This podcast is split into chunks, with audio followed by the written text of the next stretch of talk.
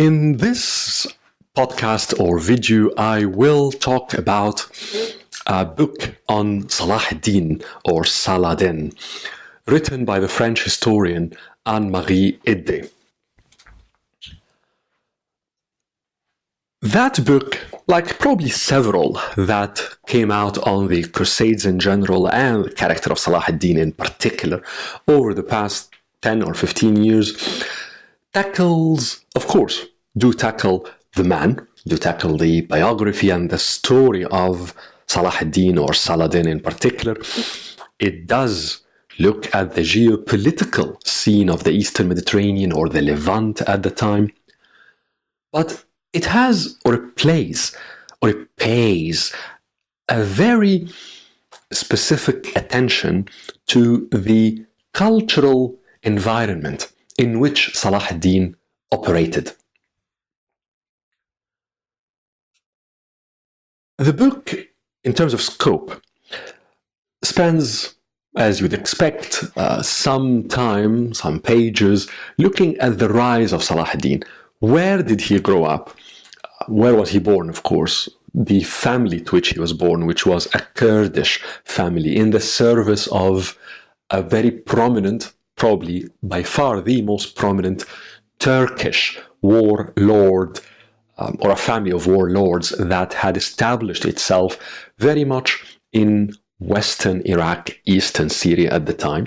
And how did the family of Salah ad-Din came to prominence in the service of that Turkish family of warlords?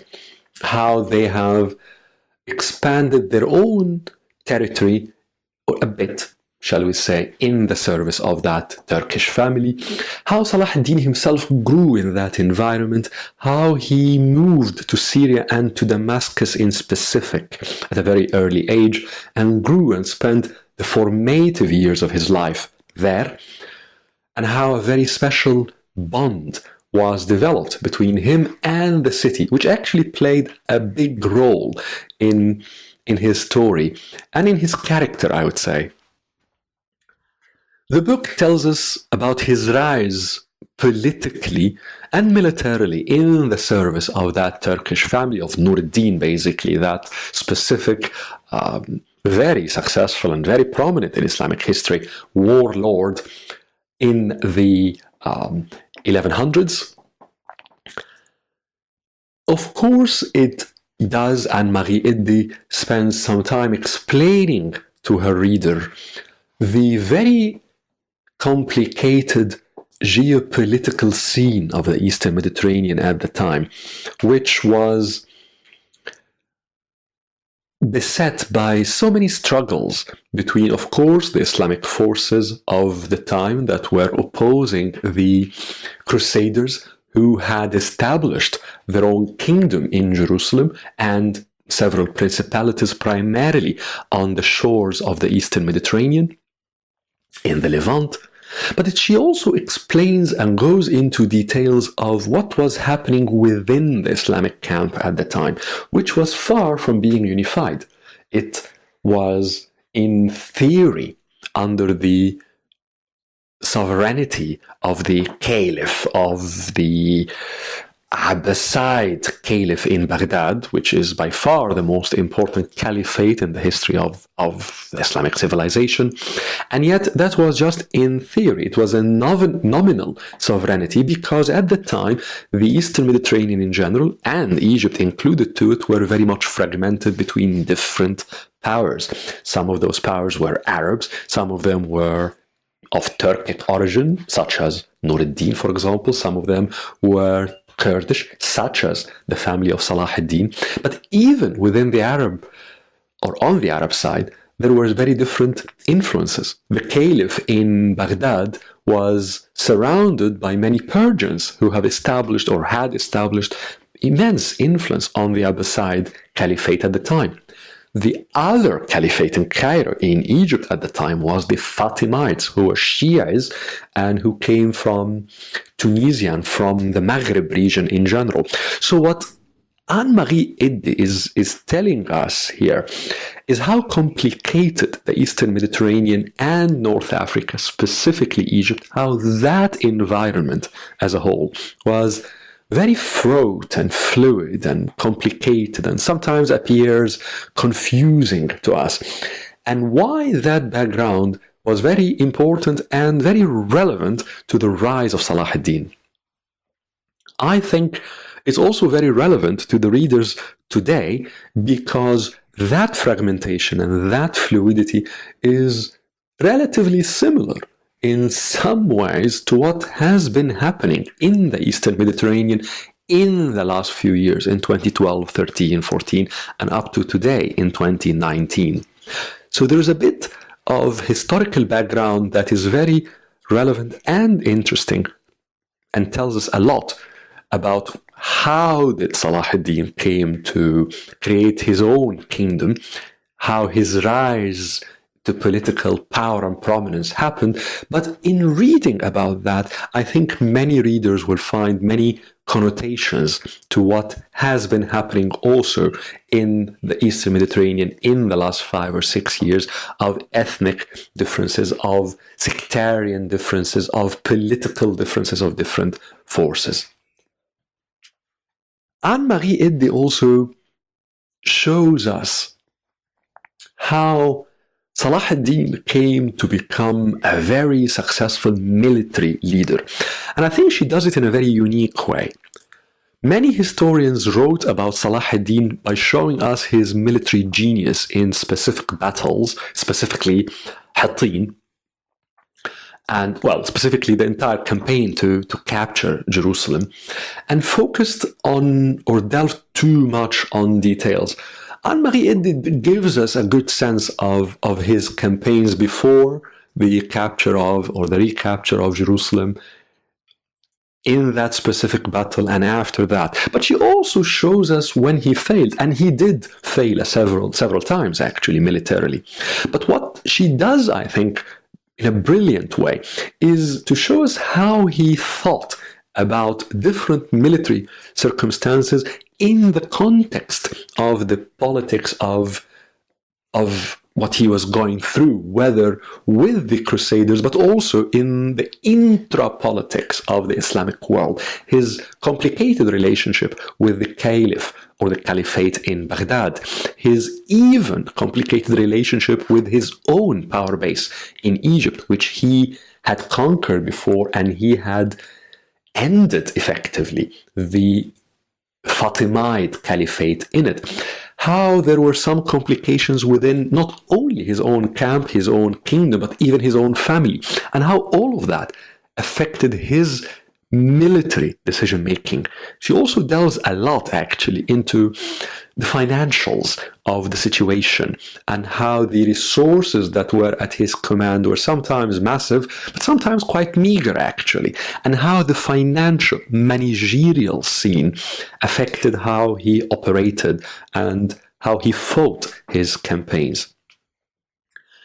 Some people might say there's a bit of too much detail here. I think maybe some readers will find too much um, for them in that narrative. But for me, it was a very rich narrative because it makes us as readers see the decision maker here, Salah ad-Din, the decision maker, in a very realistic way.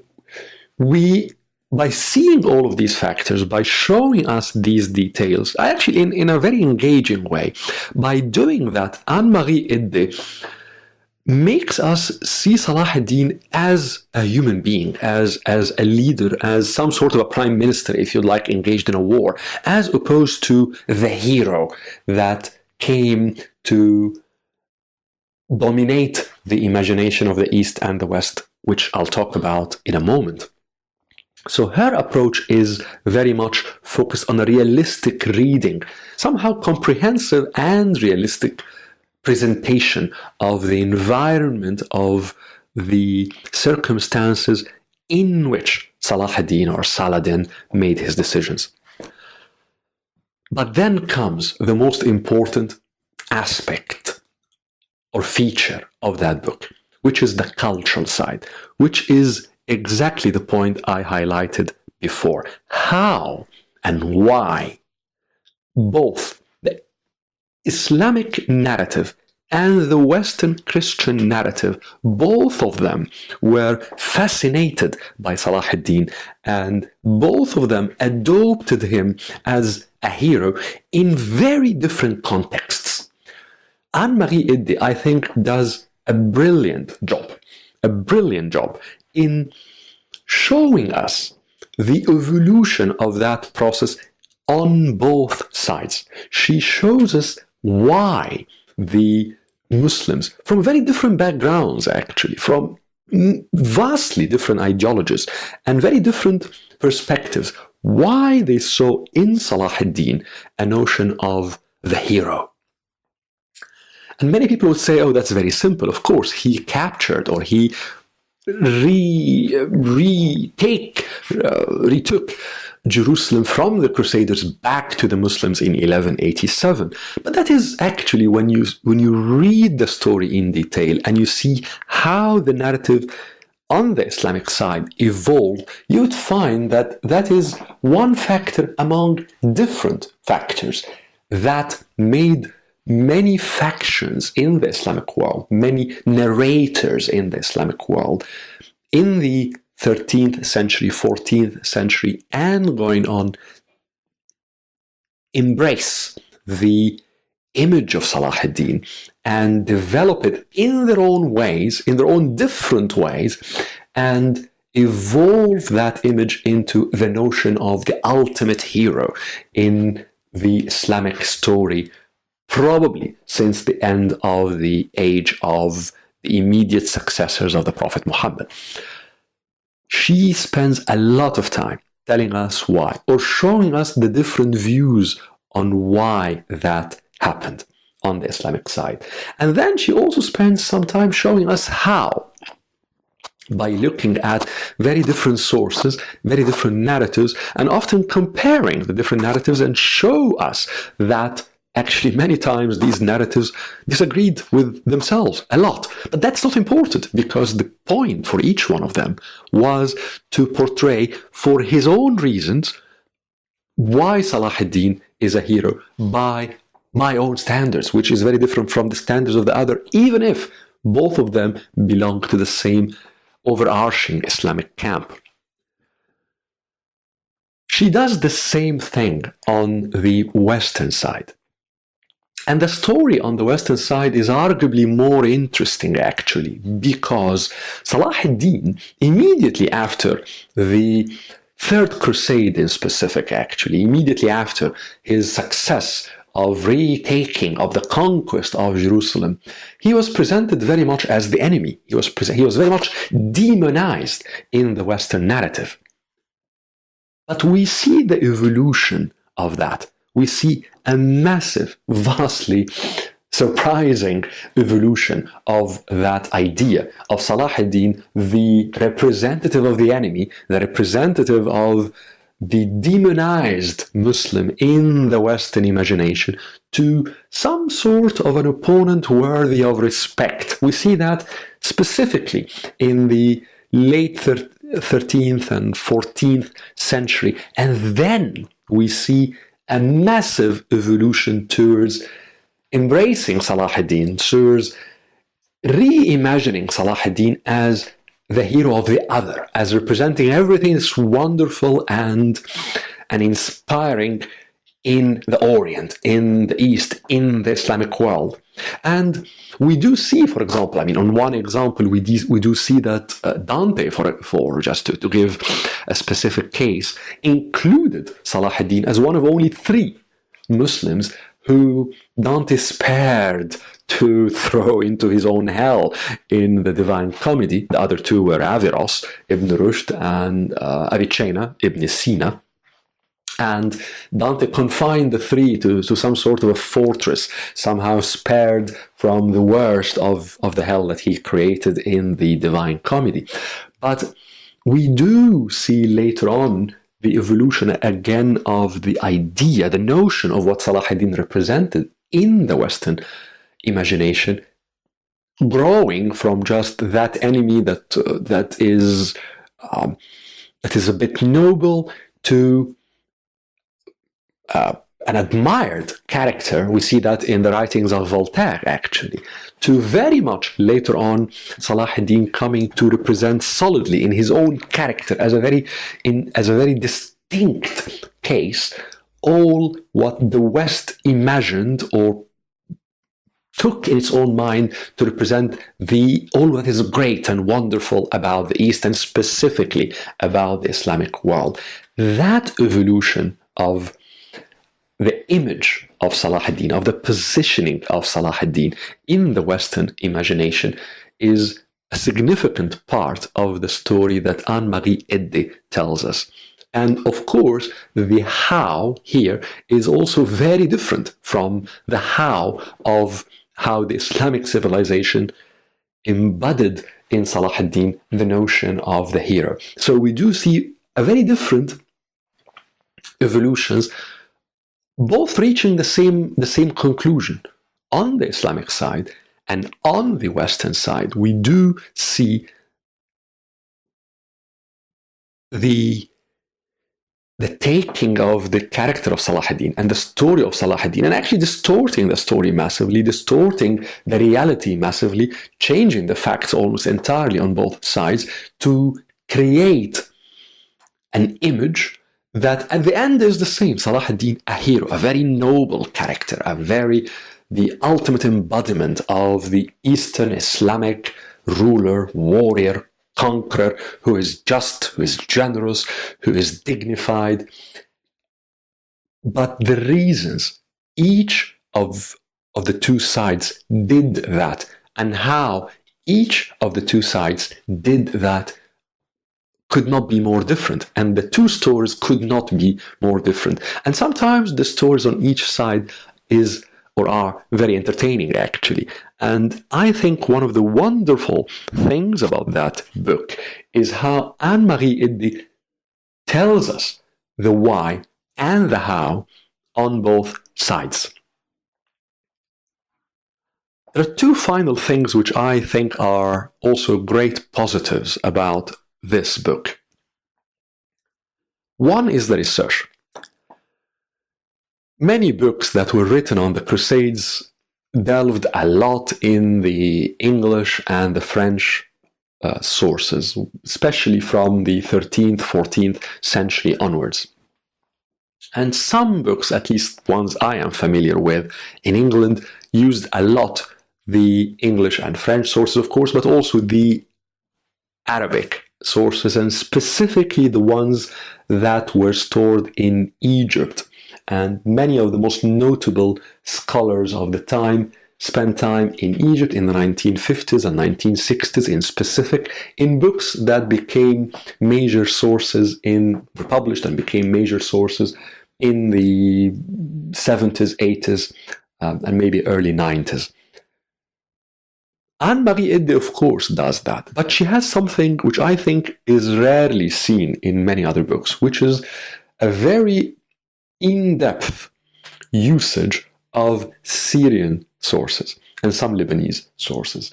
The Levantine sources were not as easily available as the Egyptian sources in the 1960s and 1970s, and Anne-Marie Eddé manages to delve a lot into those sources.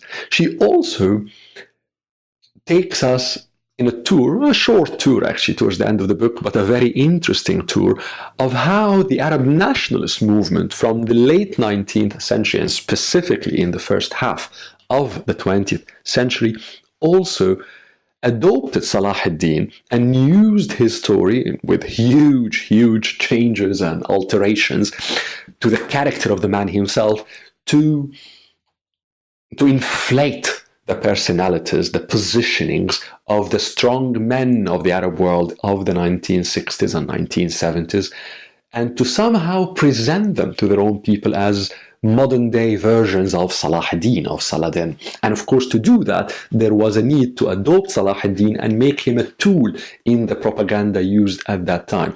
And Anne-Marie Eddé does that in, in an interesting way, actually, by drawing our attention to a number of books and, and movies and uh, plays that were tools in, in doing that.